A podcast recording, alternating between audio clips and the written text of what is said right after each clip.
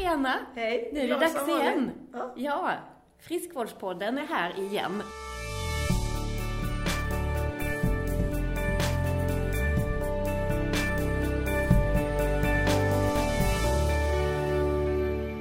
Och eh, idag ska vi verkligen fokusera på ett bra ljud, eller hur Anna? Mm. Vi närmar oss varandra. Ehm, och ehm, ja, jag tror jag börjar prata faktiskt om veckans gäst med en gång. För att eh, vi har ju lite tajt om tid som vanligt. Anna ska iväg på viktiga möten. Ja, precis. Eh, Michelle, som står här framför oss, är en väldigt eh, energifull person, skulle jag säga. Eh, jag träffade ju dig på ett eh, före, en frukostföreläsning på, som Connect Väst ordnade. Just det. För, innan sommaren var det precis. Ja. Och eh, du pratade lite om sälj kopplat till hälsa. Och det var ju helt nytt för mig.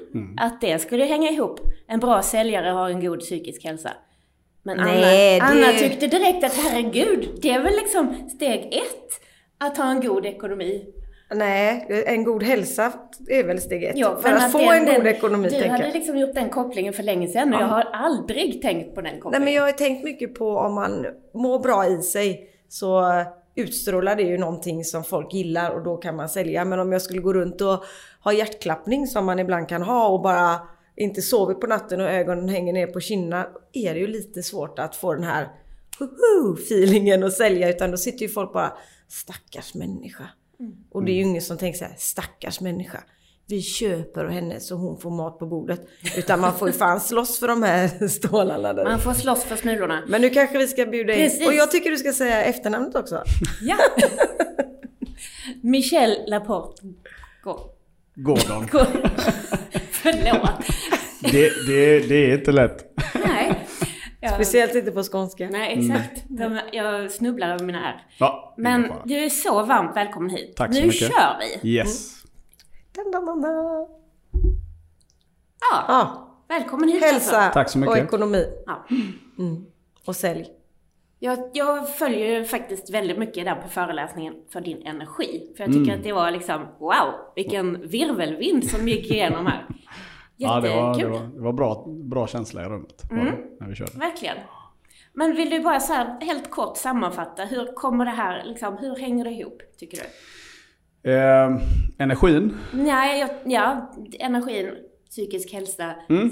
att vara en god säljare. Nej men eh, mitt fokus är ju att, att hjälpa småföretagare, startups och egentligen alla typer av bolag att verkligen komma igång med sin försäljning. Eh, och det, det är ju egentligen ett annat ord för naturlig tillväxt i bolaget. Och hur jag ser att det hänger ihop med psykisk hälsa det är att eh, jag vet idag att det finns en skuggstatistik i Sverige som vi nästintill aldrig pratar om idag. Och det är eh, den upplevda stressen som väldigt, eh, majoriteten skulle jag vilja säga, av småföretagare upplever.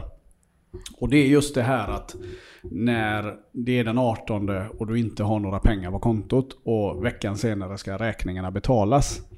Eh, det är väldigt, väldigt många eh, som lever i den verkligheten. Men eftersom det också är tabubelagt och vi inte ska prata om det och vi ska alltid vara så framgångsrika och det är så, alla, alla är ju framgångsrika i sociala medier som jag brukar säga.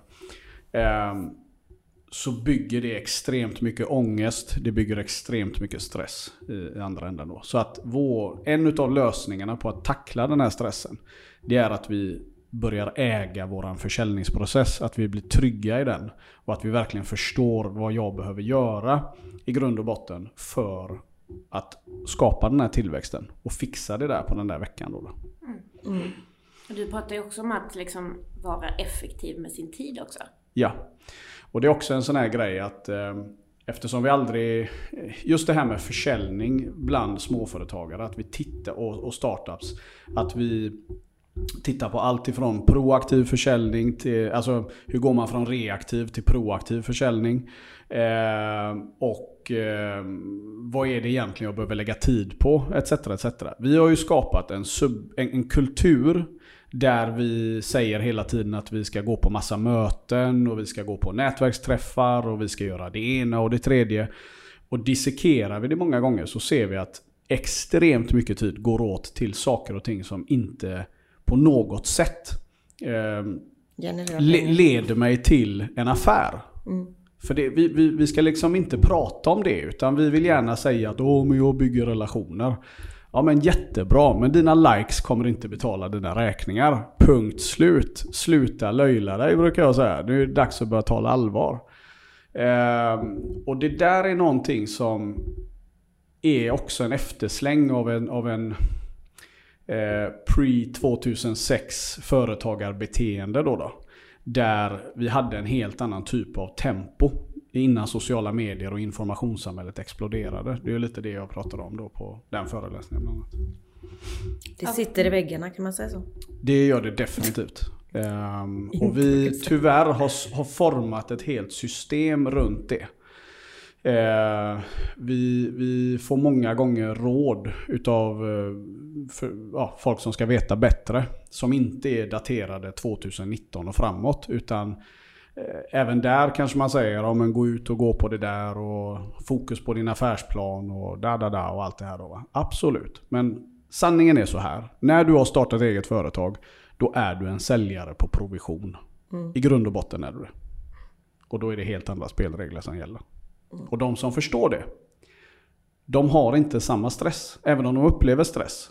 Jag säger inte att det här är liksom en stressfri miljö. Jag upplever också stress. Men det är skillnad på att inte få panik av den stressen. Och att kunna ha kontroll över den stressen. Kontra att sitta där och liksom... För idag vet jag vad jag ska göra den 18. Om pengarna inte är på kontot. Och det är en empirisk kunskap idag. Det är ju också stress pratar vi väldigt mycket om som en negativ grej. Ja. Alltid. Men det är ju också en slags trigger som gör att vi kanske presterar lite bättre och blir lite mer på tårna. Jag tror på det. Lite mer Man jobbar liksom. mest eller bäst under press eller? Ja, jag brukar säga att jag, jag har liksom, när kniven är en liten bit in i strupen, då är jag som bäst. Det är då du vaknar. Och det, Nej och det är Men det, den får ju inte bli kronisk Nej. den stressen, utan det kan ju vara liksom lite så inför en prestation. Det, och det för mig är ju så här att steg ett är ju att lära sig det, tycker jag. Att, att inse att eh, okej, nu, har jag- nu känner jag den och nu vet, istället för att bli förlamad och, och paralyserad menar jag, av den stressen. Så lär jag mig att eh, så lär jag mig att eh, prestera när jag känner den känslan. Sen med tiden, ju mer medveten jag är, eh, så kan jag också vända det och börja agera proaktivt så att jag inte hamnar i den. Och det är ju det som egentligen vi själva då exempelvis också jobbar med väldigt mycket då. Att okej, först ska du lära dig att agera smart i de situationerna. Eh, och det kommer att hända om och om igen. Det kan komma en oväntad utgift. Vi skojar lite om det innan sändningen. Moms, vad som helst dyker upp och man liksom oj då. Nu Oväntat brukar det inte vara. Nej på något sätt men är man har skjutit på det eller vad som helst va. Det, det, det, det ligger där. Ja. Det finns ingen perfekt värld. Ehm, men sen också då hur vi kan få luft nog för att börja agera proaktivt. Mm. Så att vi inte sätter oss i de situationerna. Det är ju steg två sen. Det låter ju som det är väldigt individuellt och man måste lära Extremt. känna sig själv. Liksom. Extremt. Eh, och det är väl lite därför då. Eh, tittar man på allt jag skriver så handlar det egentligen om, jag säger alltid så här, det finns ingen one size fits all. Det finns röda trådar och det finns eh, principer att följa. Eh, och, och processer då, då. Men prestation är individuellt. Därför att eh, min prestation kan aldrig bli din. Och jag, jag kan aldrig kopiera din prestation. Jag kan titta på vad du gör. Och så kan jag titta på, okej, vilket av det här är fysiskt och psykiskt möjligt för mig att och, och testa på också. Och så kan jag plocka de russinen ur kakan. Men jag, men, och så, men jag måste forma min egen.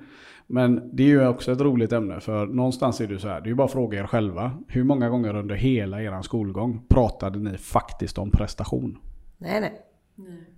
Nej men jag... Min son går ju nu i gymnasiet. Eh, Ja, nej men han, de har nog börjat ändra lite men jag tänker också på det här när vi... Men jag läste nog någon så här bokföringsmojs där på gymnasiet fast den var ju inte så kul. Men man pratar ju väldigt lite om eh, eh, företagandet eller hur man ska ta hand det kan, ju- det kan ju också vara hur man tar hand om sig själv. Ja. Det pratar man ju inte heller om i skolan, men Nej. vi pratar väldigt mycket om Gustav Vasa och någon annan tjomme. Men det här att man lär sig att det är bra att äta, sova, eh, och allt vi ska göra. Men eh, alltså som är ganska så här, det här måste du göra Ja. för att överhuvudtaget klara För att orka prestera. Ja, och det gäller ju även, behöver man inte vara egen företag, men det, man undrar ju så här. De som är så här trötta och aldrig, jag är så trött, jag är så trött, jag har så mycket mail, jag är så trött, jag är så stressad. Ja men den kanske hade också behövt lära sig man, Nej, men i, i grund och botten så, eh, nu, nu gillar jag att hålla det till just företagare och, och den världen. Men generellt så är det ju så att vi, vi har aldrig lärt oss vad våran prest, alltså att, att utforska våran prestation. Vi har aldrig lärt oss det.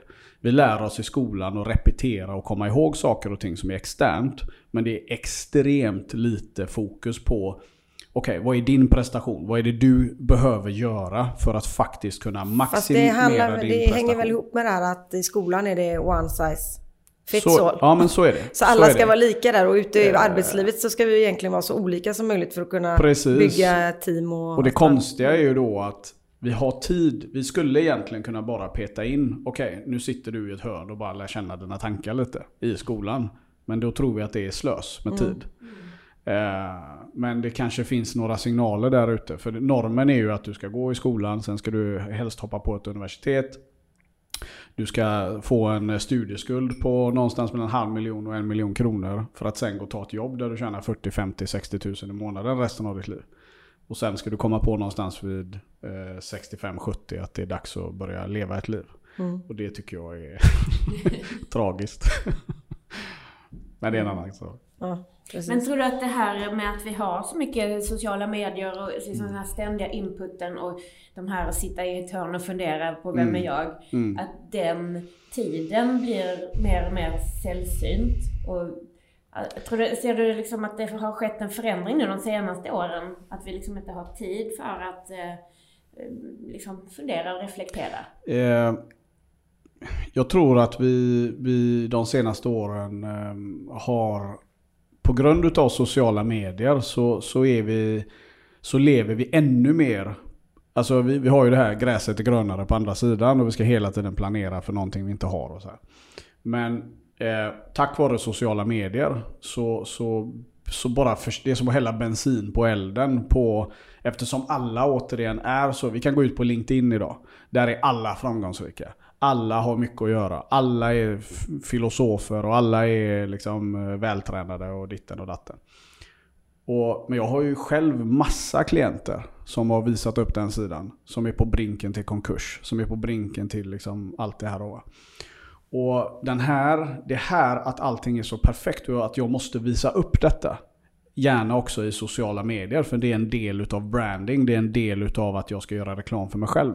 För ingen vill ju göra affär med någon som är miserable och tycker att livet är skit och jag är på gränsen till att gå i konkurs. Alltså paradoxen i det underbygger ex- extremt mycket ångest i andra änden då. då. Och, det, det, och det är hemmaprestation. För vi vet inte återigen generellt hur vi ska agera eh, när vi mår, när, när pressen är där. Tror du att det kan vara skillnad på kvinnor och män? Nej, Nej. det är det För inte. jag Det är mer tabubelagt bland När jag män. startade eh, eget så fick jag ju liksom jag fick ju starta eget bidrag tack vare att jag hade en man som kunde försörja mig om det skulle Mhm. gå dåligt. Hade jag inte varit gift så hade jag troligtvis inte liksom blivit godkänd som företagare. Det är ju också Eh, lite... Det är också väldigt sjukt. Men Intressant. det är länge sedan nu Ja. i sig. Jag tror Så det har kan, förändrats, Det kan vara men, eh, nu, Nu kan du även vara gift med en tjej. Ja, Så det kan man. Nej, men eh, att jag tänker att det kanske Många har liksom den här förlegade bilden av att det är mannen som är ändå huvudförsörjaren i hemmet. Mannen har oftare en högre inkomst. Eh, och kanske kvinnan tar mer av föräldraledigheten till exempel. Att det liksom, jag tänker mig att pressen på män är kanske ännu större. Jag har träffat väldigt många män Mm. som upplever att eh, det är inte okej för en man att klaga på samma sätt. Utan, och framförallt inte i dagens samhälle. För nu, nu är ju det liksom, det får aldrig vara synd om mannen utan vi har ju skapat det här. Så, så det, Alltså, det blir lite... Ja, nej men... Jag bara- nu fick jag bara, oh. Ja men så det, det, det blir direkt laddat när man pratar om manligt och kvinnligt. Mm. Jag är ganska emot det för att jag, jag har alltid tyckt att för mig är det liksom, bland, vi blandar sunt förnuft med, med korkade ideologier och så blir det liksom fel debatt. Men, men eh, när det gäller företagande, prestation och eh, de bitarna så eh, jag satt åt lunch med en, med en man, i, i, en kund, som i vintras. Eh, och, eh, när jag får, och så fick jag en mening då mitt i, plötsligt så säger han så här att ja men Michel, eh, jag vill bara att du ska veta att i år var första gången på fyra år som jag kunde köpa julklappar till mina barn. Och, och, och då blir man ganska så här, den, den, jag, tror det gick, jag tror jag hade det i huvudet i, i flera veckor. Jag har det fortfarande till och från. Liksom. Alltså det, det var så starkt. Och, och, och jag kan verkligen själv relatera till att komma hem och säga att Nej, men allting är jättebra för att jag vill inte att min fru ska känna stress och, mm. och tycka att livet är jobbigt. Eh, så jag håller ju skenet uppe. Men man ligger ju där på nätterna ibland och liksom, ha, hur fan ska jag lösa det här? Fast det är ju nog tjej, men... men eh, ja, men mm. för att svara ja, på frågan. Nej, men jag tror inte det är så stor skillnad egentligen. Eh, jag, jag, jag, tror att det handlar mer om individ. Är där, eh, på det sättet. Men i min, det jag har stött på så är det mer okej okay att säga, alltså männen upplever det. Sen om det är så, det säger jag inte. Det lägger jag inget. Det kan, det kan också vara olika personer. Mm. Ja. Men jag tänker på... Jag tänker på när man... Vi sitter på så här kontorshotell. Mm. Det är också väldigt intressant hur mycket killar kanske pratar mer. Ja. Och högt. Och mm. hur det går väldigt bra. Mm. Och ju mer stressade de ser ut, ju mer ska vi... Medan tjejer kanske är lite mer det var en tjej där som jag inte riktigt fattar vad hon har gjort och bara, nej men min pappa var ju han som startade Kanyang och hela den här, mm. ja det kan ju hela den. Mm. Hon har inte sagt ett ord om det till någon. Hade det varit en kille hade han ju bara gått runt med skyltar bara, eh, drick Kanyang, dela, alltså. Mm. Så det är liksom lite olika. Där tror jag att tjejer kanske är lite under radarn eller, eller, eller så här, ja killar pratar mer. Generellt tycker jag ja, bullrigare. Det är ju kanske så det är. Det är kanske de gör när de är små med. Så det kan ju vara någon mm. så där i genetiken. Mm. Ja, och jag då som har haft huvudet i företagarlådan i tre år. Eh, dygnet runt.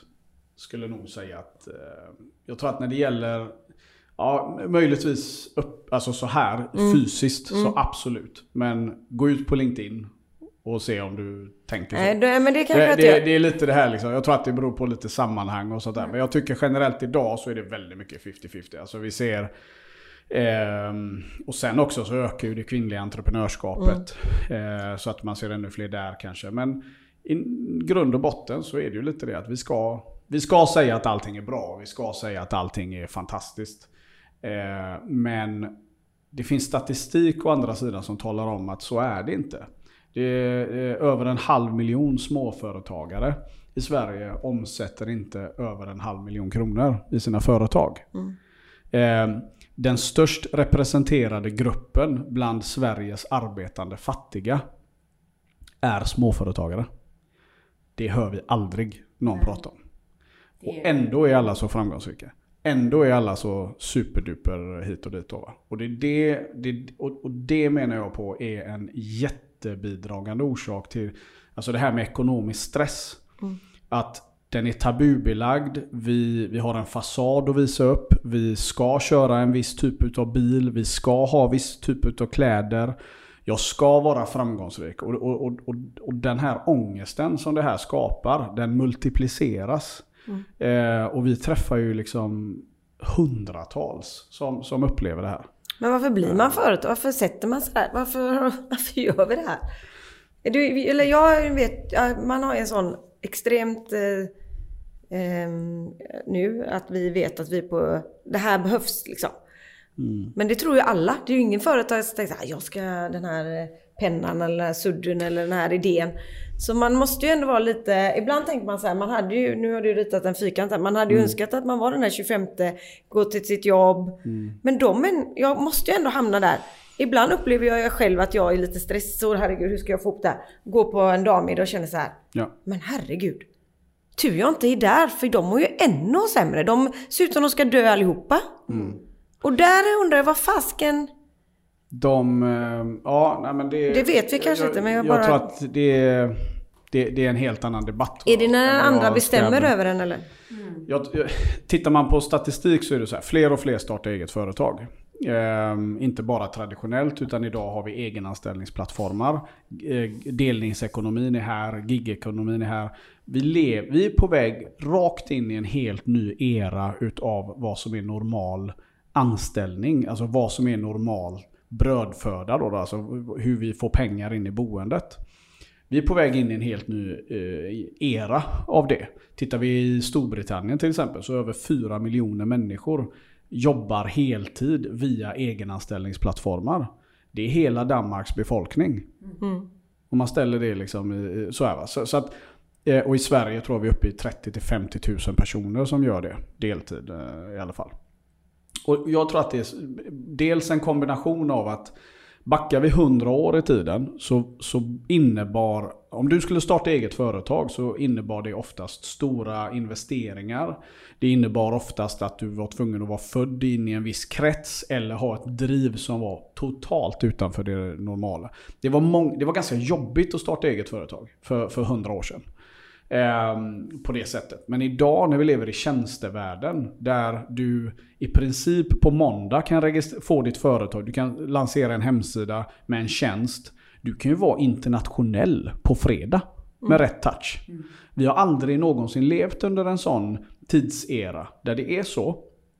Vilket gör att fler och fler, tror jag, eh, inser att den här utstakade normen behöver inte gälla allt och alla hela tiden. Jag säger ju inte att det är fel att gå den vägen, även om det kan ibland låta som det. Men, men någon måste få ta den andra facklan också. Och, eh, men, men jag tror inte att det är en slump att folk vaknar upp efter 20 år på en anställning och säger så här, men det här är inte vad jag vill göra.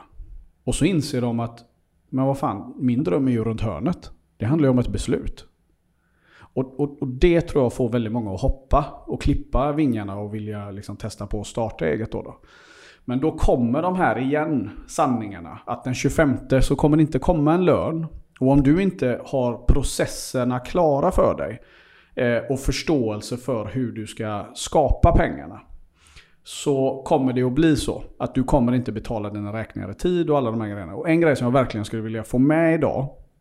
Det är det här att vi tutas ju i att om det blir så.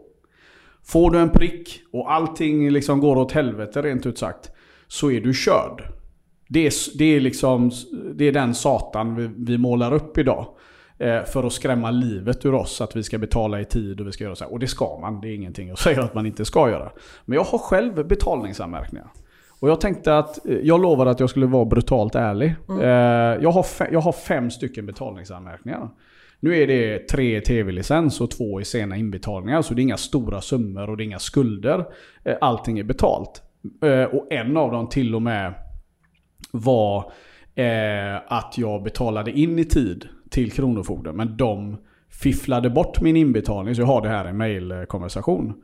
Eh, var på att jag gick till fordringsägaren och sa så här. Kolla här. Jag har en mailkonversation som säger att jag har betalt i tid. Men så här och så här eh, blev det. Varpå jag fick som svar. Ja, men jag kan bara göra mitt jobb. Och då ledde det till en prick. Mm. Och jag minns och, och, så här, vårt samhälle är uppbyggt. Och, och, nu, det här är verkligen vad jag mm. menar med mm. ekonomisk stress. Då, då. Mm. Eh, och, och, det här är första gången jag nämner detta officiellt. Eh, så, va? För jag ska ju också vara en sån här superframgångsrik eh, person i sociala medier. Eh, och jag anser mig vara det. Men det finns en väg dit. Eh, och i alla fall så kommer jag ihåg till exempel när jag skulle ansöka om vi skulle göra en investering i våran plattform. Och så skulle vi ta ett litet lån. Det var inga mm. stora pengar. Med bolaget. Och jag fick det där första samtalet från banken. Där de bara, nej. Det, du, du, du är ju rökt. Mm. Dig tar vi inte i med tång ungefär, sa de mellan raderna. Och då satt jag, det här var på eftermiddagen, jag satt på kontoret och jag grät i över en timme. Det gjorde så jävla ont rent ut sagt. Och jag blir emotionell när jag pratar om det. För att det var för mig den första, det första hammarslaget på riktigt. Där jag insåg att jag tillhör inte den normala. Alltså jag har, jag har verkligen kapats av mm. av det som innan. Och framförallt då eftersom jag lämnade en väldigt hög eh, mm. inkomst. Där jag bara något år innan hade köpt en lägenhet och blev uppfjäskad i brygga utav banken. Och de liksom tyckte att allt var så fantastiskt. Samma människor vill inte ta i det med tång. Och då, då, bestäm, då förstod jag för första gången hur farligt det här är. Eh, och då upplevde jag den här ångesten på, på, på, maximalt för min, för min del. Och sen har det varit flera sådana incidenter. Men det som jag däremot har sett, att när jag tog ett steg bak, andades lite och, och, och, och började titta på, okej, okay, går det att lösa saker och ting ändå? Så, inså, så blev det ju faktiskt så att ja, det gör det. Så livet är inte över bara för att du får en betalanmärkning. Du, eh, driver du företag och du har liksom varit sen att betala in för att det är ju gulligt att tänka att ja, men bara för att du skickar en faktura så betalar kunden i tid och alla sådana här. Det, det gör de inte. Det är så mycket bakom och runt omkring. Det finns de som tänker att åh, men jag tar in anställda och tittar vi på sociala medier så är det alltid den elaka chefen vi ska måla ut. Aldrig den elaka anställda. Som utnyttjar framförallt småföretagare och sånt där. De är drivor. Eh, men det ska vi helst inte tala om för då kan någon komma och hoppa på dig. Men, eh, men då kan det vara saker och ting då, då som gör att du kan inte betala räkningarna i tid. Och så händer detta och så känns livet fruktansvärt jobbigt. Men jag står verkligen här som ett levande exempel och det är många där ute som är det. Så jag är långt ifrån den enda. Där det alltid finns, jag har fortfarande rest. Vart, eh, rest jättemycket. Jag har eh, ändå lyckats leva ett, ett hyfsat normalt liv. Eh, trots då betalanmärkningar. Och, och istället för att känna pressen av att okej, okay, de förstörde mitt liv. Så har det blivit för mig en sporre istället att okej, okay, jag ska... De ligger där och påminner mig om att jag är väldigt nära att ta kontroll över mitt liv för första gången kanske någonsin. Mm. För när jag, när, när, när, de går ju bort efter några år. Mm. Och då ska jag se till att liksom, då, då, då ser jag nästan det som en, eh, som en, eh, som ett timglas nästan va. Att, eh, som en nedräkning. Mm. Så, jag har det, så, så för mig har det blivit en sporre. Men tro inte att livet är över bara för att samhället säger att det är över. Eh, och vi har bevisat detta själva så många gånger.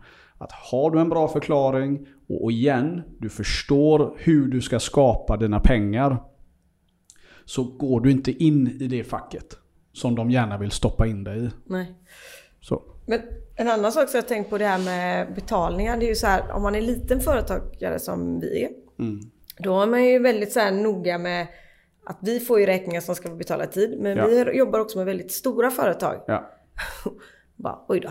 De betalar visst aldrig. Nej. Bara, nej men vi nej. har 90 dagar och den nej, ligger där. Man får, nu har man tur att mm. man känner folk som bara, fasken känner inte hon på ekonomiavdelningen mm. på det? Och man får liksom trassla sig igenom tjoff så kommer betalningen. Men, så de större, stora företagen mm. kan ju sätta små företag Definitivt. i skiten. Så det bara, ja. Så det är också och där så här, har vi systemet ju, är ju liksom helt upp och ner på. Ja, eh, det är ju också lite komiskt då. Det, du, det som är ju att när du kommer till en viss gräns med företaget så kan du börja diktera villkor som du aldrig hade kunnat göra som liten. Nej. Jag hade aldrig kunnat säga till någon att ja, ge mig bara 90 dagars fakturer om du vill göra affär. Mm. Det funkar inte. För jag, för, för, så va. Men, eh, men, eh, men där har ju vi i Sverige och säkert i många andra länder där kreditsamhället har kommit så långt. För jag, jag är, ju, eh, jag är ju född i Seychellerna och är där väldigt mycket och, och och jobbar även där med entreprenörskap och i samarbete med universitet och så där nere. Där har inte det alls kommit lika långt. Så det ger, det, man får en ganska häftig parallell med eh, möjligheterna då. Som, för i Sverige är det ju så här att skulle jag få en sån kund, ja men jag kan gå och sälja den fakturan. Mm. Och så är saken ur världen. Så. Den möjligheten har vi idag. Det, det, är inte ens så att du behöver gå och träffa någon. Du bara knapp, knapp, knapp och så är det färdigt. Mm. Så har du pengarna på kontot inom 24 timmar. Eh, och nu börjar de flesta veta om det. Eh, och, och, och, då kan vi förekomma det i våran säljprocess, i, i dialogen med kunden och sånt där. Men det är ju ingen möjlighet i många andra länder, till exempel. Fast man har ett litet motstånd till det också. Alltså man vill ju, man har ju sådär, jag ska klara mig själv, jag ska fast med. Så det, det är ju en, inte någonting man gör första Eh, eller vi gör ju inte det. Nu har man kanske kommit på det. Men det är inte så att det är första som dyker upp att man ska göra så heller. För man vill ju liksom... Ja, men jag tror att man är så här, man vill fan fixa det själv, inga... Men det är ju en jättebra hjälp. Det är bara man själv som är lite kanske... Nej men det är bara en vana. Knäpp I grund och botten. Det, det är, eh, och jag vet vad du menar. Men, eh, men, eh, och i början var det en, en, en ganska extrem förlustaffär att göra så. Men idag är det liksom, det är så många som, alltså kreditsamhället har ju gått så långt att nu slåss ju de om dig. Ja, jo, jo, ja, Så ja. att du får ju ner den liksom kostnaden till minimalt. Det är som, som en fakturaavgift i många fall. Mm. Nej, men Så det de är så möjligheterna man har vi. Men ändå är det lite konstigt system. Oavsett. Nu, har, nu finns det peng- människor som tjänar pengar på att det är ett konstigt system egentligen. Mm. Istället för att man har samma... Nej men det är ju samma, det är ju lika sjukt att fordringsägarna idag, de får ju provision när de sätter dig hos Kronofogden. Mm, det är ju också Det är ju en lite annan konstig... diskussion förvisso. Men, men så sjukt har det gått. Ja. Så, så att jag förstår, när jag förstod det så förstår jag varför jag fick det svaret. Mm. Vi har bara gjort vårt jobb. Okej, men ska du ha rätt eller göra rätt? Sa jag till henne. Mm. Uh, fick jag inget svar. Och så blev jag lite grinig och la på. Mm. Men, men- och det var ju, det, det, det, det här är ju, det är så vanligt. Så det sker hela tiden. Eh, så att vi knappt ifrågasätter det då, då. Men allt detta som vi har pratat om här då är ju att det, det, det, det är en jättebidragande faktor till att den psykiska eh, ohälsan bara ökar. Och eh, vi menar på det att det finns saker och ting vi kan göra för att dämpa det väldigt mycket. Eh, för jag säger det verkligen till alla småföretagare, startups där ute. Det finns verkligen möjligheter att ta kontroll över eh, den ångesten när det kommer till ekonomin. Eh, det gör det. Och, och det, det är egentligen en, som all annan träning. Det, det är bara en träningssak. Så. Jag tänker också på detta med, eh, för att många småföretagare, eh, om man säljer sina tjänster så Ja. är det ju mig själv jag säljer. Ja. Det är jag som kommer ut som föreläsare, det är Ja. jag som skriver en journalistisk text eller så. Ehm, och hur ska man kunna göra det skalbart då? För att om jag, jag har ju bara 24 timmar, eller kanske 8 till 10 timmars arbetsdagar. Jätteolika på hur- olika... Alltså, först så brukar jag säga så här. Kom till det problemet först. Ehm, för, för det är också en sån här... Vi, vi så... Precis som det här exemplet du pratar om med att... Eh, med att eh, när man som anställd hela tiden... Eh, ja, nu har vi precis bokat novemberlovet. Dags att börja planera sommarlovet ungefär. Va? Likadant är det, ser jag bland småföretagare när de sitter och planerar sin försäljning. Så är det så här att, ja, men om, om min kalender är full, vad gör jag då? Och då brukar jag säga så här, men låt oss komma till det problemet. För du har 160 timmar i månaden i teorin som du skulle kunna sälja för att jobba normalt. Så, nu vill ju de flesta gå ner lite i tid. Det är ju en av anledningarna varför man startar kanske. Men, men först komma dit. Och sen får man ju titta på, finns det teknolo- har teknologin kommit Du ikapp? borde göra webbinarier. Eh, Fan, nu skalar vi upp. Det. Ja, nej men alltså teknologin har ju kommit så långt idag att många konsulttjänster går ju att skala. Eh, många, och skala behöver ju inte bara vara att man duplicerar sig själv. Det kan ju vara samarbeten eller vad som helst. Så att, där finns det många spår. Men Eller så får du ha grund dubbelt och så bra så tar du dubbelt så mycket betalt. Ja, men- anlitar jag en säljare tänker jag. Så jag kan jobba med det jag vill jobba med. Ja men det är svårt. Det är svårt att vara egenföretagare. Man ska vara bra på sälj och du ska göra din produkt och du ska vara bra på det här bokföringsskit grejerna. Mm. Och du ska, ja men man ska ju vara väldigt, och oftast kanske du gör det du tänkte först kanske du gör 20% av tiden och alla de andra grejerna som du bara Åh jäklar det här Precis. tillkom. Så du sitter med Och jag menar ju på så här då. Eh, det sista du ska outsourca, det är ditt sälj. Det sista. Om, du har ti- om tiden börjar bli en issue, outsourca ekonomin. Om du inte jobbar med ekonomi så finns det absolut, idag finns det absolut ingen anledning att göra det. För där finns det en sjö med eh, företagare som, och man kan få en fantastiskt bra deal. Eh, och kan där också göra det om digitalt att man värderar lätt. sin tid, tror jag, eh, på det sättet. För återigen så är det så här, du har 160 lådor som vi, som vi symboliskt då kan tänka i timmar som har ett värde. Och kommer du till att inflödet är så stort av kunder Ja men då är ju nästa steg kanske att titta på Tar jag för lite betalt? Ska jag höja? En sortering är ju att höja sin timpeng. Vad är skillnaden mellan de som tar 500 i timmen och 5000 i timmen? Ehm, de har gått den vägen. Mm. Så. så att, ja. Våga ta betalt kanske. Det, det betalt. tror jag är väldigt tjejigt. Våga ta betalt. Man sitter och liksom eh, prutar med sig själv och kunden sitter mitt emot och bara Nej, det, det, det vill jag verkligen blåsa hål på. Det är lika mycket bland killar. Jag tycker tjejer börjar bli modigare. Ja, men det är Faktiskt. kanske för att jag är tjej som jag tror att det är bara vi då. Mm. Nej, nej, nej, nej. Jag skulle vilja säga att där har män mer att lära av kvinnor. Okay. I slutändan. Det, jag kan ju bara... På vad jag ser liten anekdot när du säger att man ska köpa ekonomitjänster. Det har jag gjort sen, inte sen dag ett, men sen mm. månad tre i alla fall, mm. som företagare. För att det ringde ju från Skattemyndigheten varje gång jag hade mm. lämnat in en deklaration. Mm. Ja, hej, jag undrar vad är det du gör i ditt företag egentligen? Den här rutan som du har fyllt i här, eh, Eh, den ska du bara fylla i om du har eh, folk som jobbar för dig med husbygge utomlands. Jag bara, nej, inte direkt. Jag tror, de, jag tror de garvar ganska gott åt, åt det där. Liksom. Det står att hon är ja. dietist, men den här rutan liksom. Mm. Mm, Rotavdrag. Du trodde det var rosenrot. Rotfruktsavdraget. Ja, nej, så att eh, det, det är också väldigt mycket mm. faktiskt, där kanske jag redan då faktiskt för typ 12 år sedan eh, upplevde den här psykiska stressen av mm. ekonomi. Mm. För att jag, för det första så la jag kanske två, tre dagar på den här redovisningen mm. och jag fattade inte vad jag höll på med. Och sen eh, när jag hade skickat in det här, så man sov ju inte gott på natten för att man man, man skickat in till mm. en myndighet, man har mm. ingen aning om vad det var man har skickat in egentligen. Mm. Det Men det är ju också en bra. grej som är en, en, mycket, en konsekvens av den nya ekonomin som vi ser är ju att tjänster är så tillgängligt idag.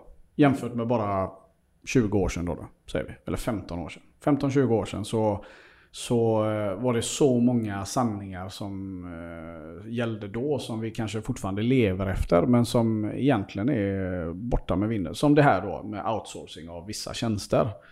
Eh, men, och där kommer vi till någonting komiskt för traditionellt så outsourcade man alltid säljet först. För att vi var tvungna att ta hand om de här grejerna och da, da, da, da och allt det här då. Mm.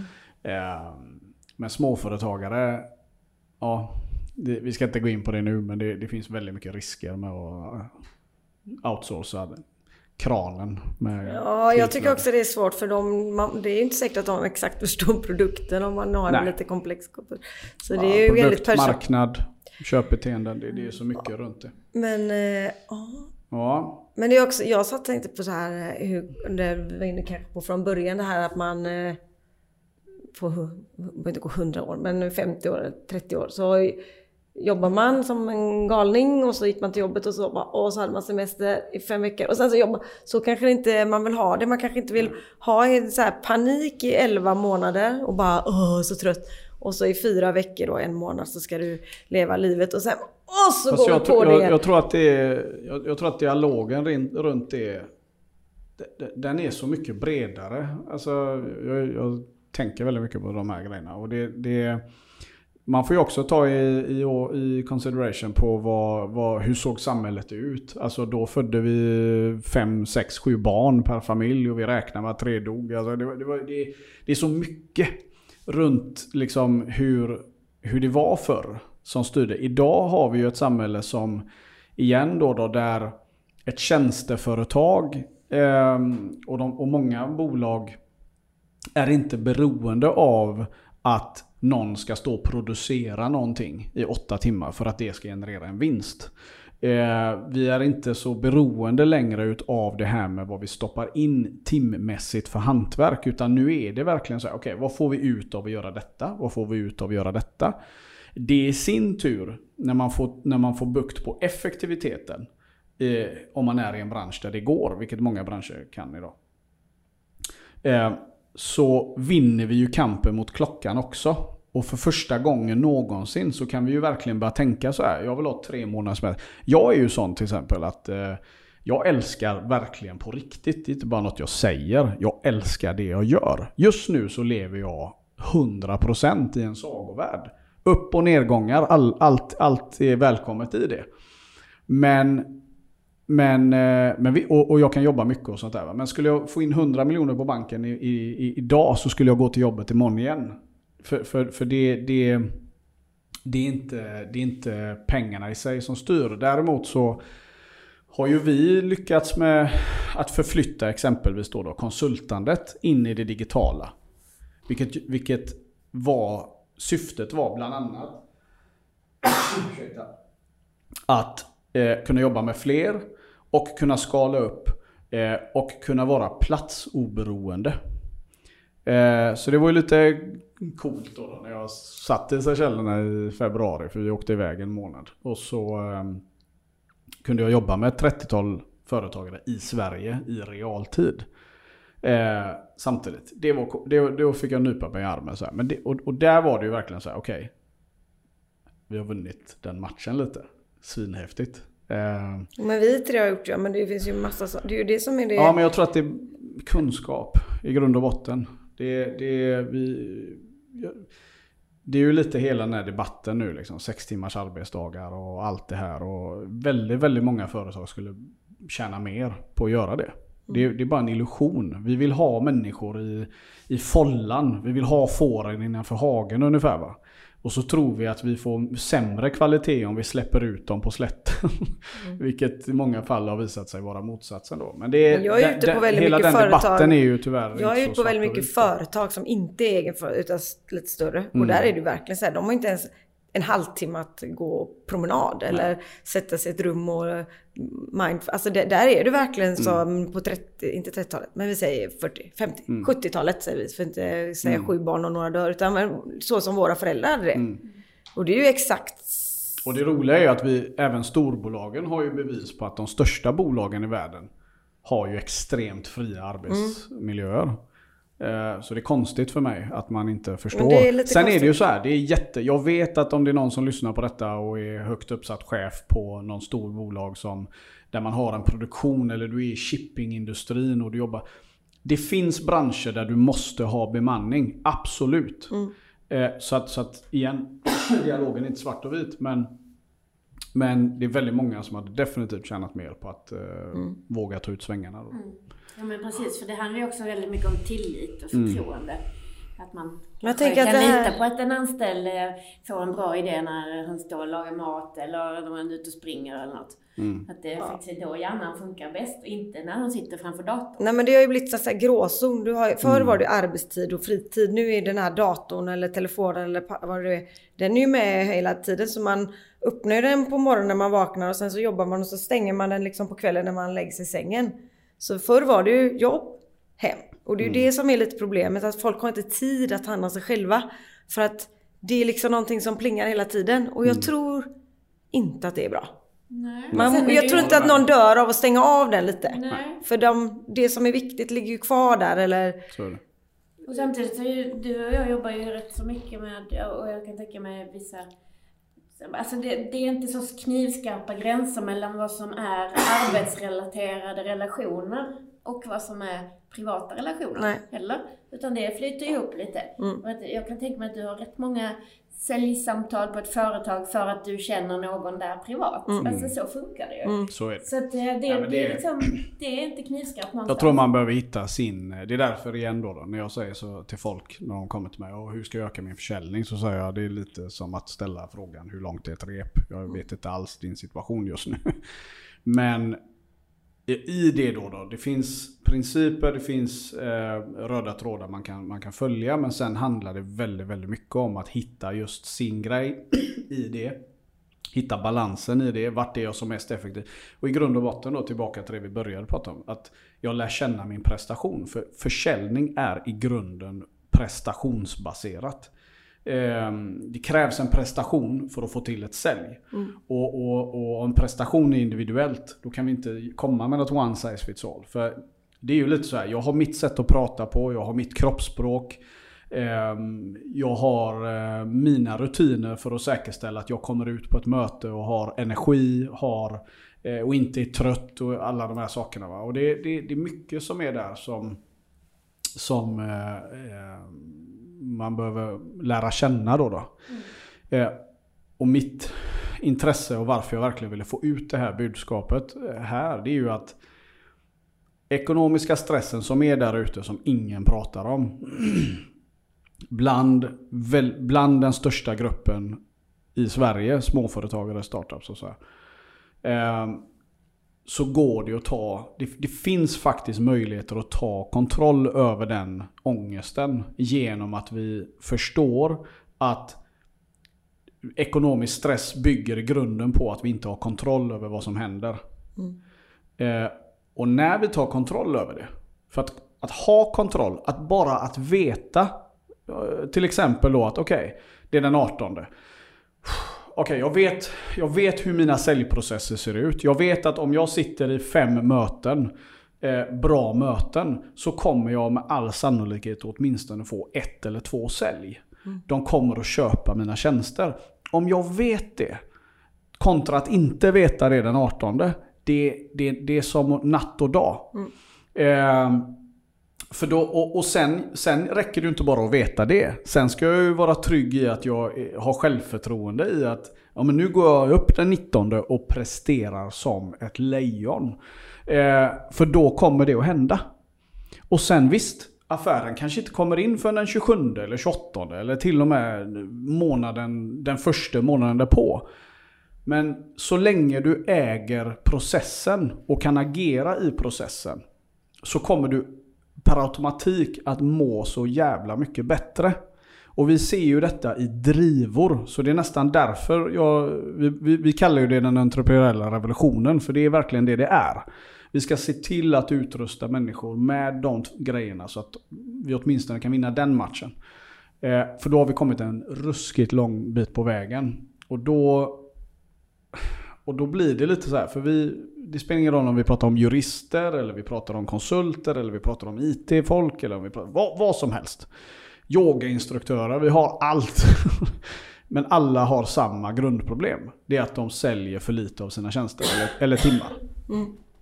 Eh, vilket leder till att så många har den här ångesten. Men det, det går att lösa. Mm. Och livet är inte över bara för att du fick en prick. Nej. Grymt. Men eh, vi ska vi avsluta för jag ska ju på säljmöte nu. Precis. Så jag måste Precis, men jag blir bara så nyfiken på mm.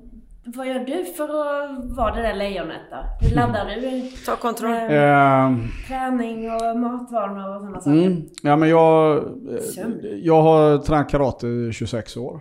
Uh, jag har, um, vilket innebär att det har, det har gått över från en vanlig träning till att det är en livsstil idag eh, nybliven förälder, vilket har gjort att det som alltid lider först, det är träningen. Eh, men jag försöker hela tiden försöka hitta balansen till att ja, men, om jag vet att jag har eh, mycket möten på eftermiddagen också. Eh, idag är min arbetstid till exempel 9 3 oftast. Eh, ända sedan mitt första barn föddes. Men jag kan sitta i 4, 5, 6 möten på en dag. Då gäller det verkligen att liksom hålla energin. Och jag vet då till exempel att för att jag ska orka prestera så måste jag träna regelbundet. Jag måste träna. Eh, jag går ner på lunchen många gånger och tränar. Eh, och så vet jag att ska jag orka ha bra energi efter lunch, då kan jag inte äta. Jag älskar mat, alltså det är livet. Jag älskar att laga mat, jag älskar att äta mat, jag älskar att vara runt mat. Det är så här kultur. Jag gillar honom. Ja men det är, sådär, nej, men det är, så här, det, det är helt underbart. Men, och, och kan ju bara gilla pizza. Ja, men, och, ja, jag lagar grym pizza. Eh, men, men jag kan inte äta till lunch det jag verkligen hade. Jag hade kunnat sätta mig och bara käka en god lasagne och liksom bara njuta så här. Men det går inte utan jag vet att ja, till lunchen måste jag äta någonting som inte tynger ner mig. Så det, det är sådana saker jag gör för att liksom kunna hålla maximal. Eh, när vårt andra barn föddes, eller även när vårt första barn, och det kan jag verkligen säga att jag tror att det är väldigt, väldigt viktigt att eh, man, lever man i en relation som eh, där, för min fru jobbar som psykolog. Alla bara garvar när jag säger det. Men, eh, eh, för att jag är hennes eh, eviga patient. Nej, men det, det, det, hon, hon, blir ju lite the rock då, då på något sätt. Va? Och vi får ju verkligen, en, en stor del till att jag ska orka är ju att vi har en grym dialog och att vi liksom så här. Och, och och hon påminner mig när jag inte har den dialogen då. då. Men en stor del var ju när hon sa så här i början, liksom, när barnet kom, så sa hon till mig, gå ut och lägg dig i soffan.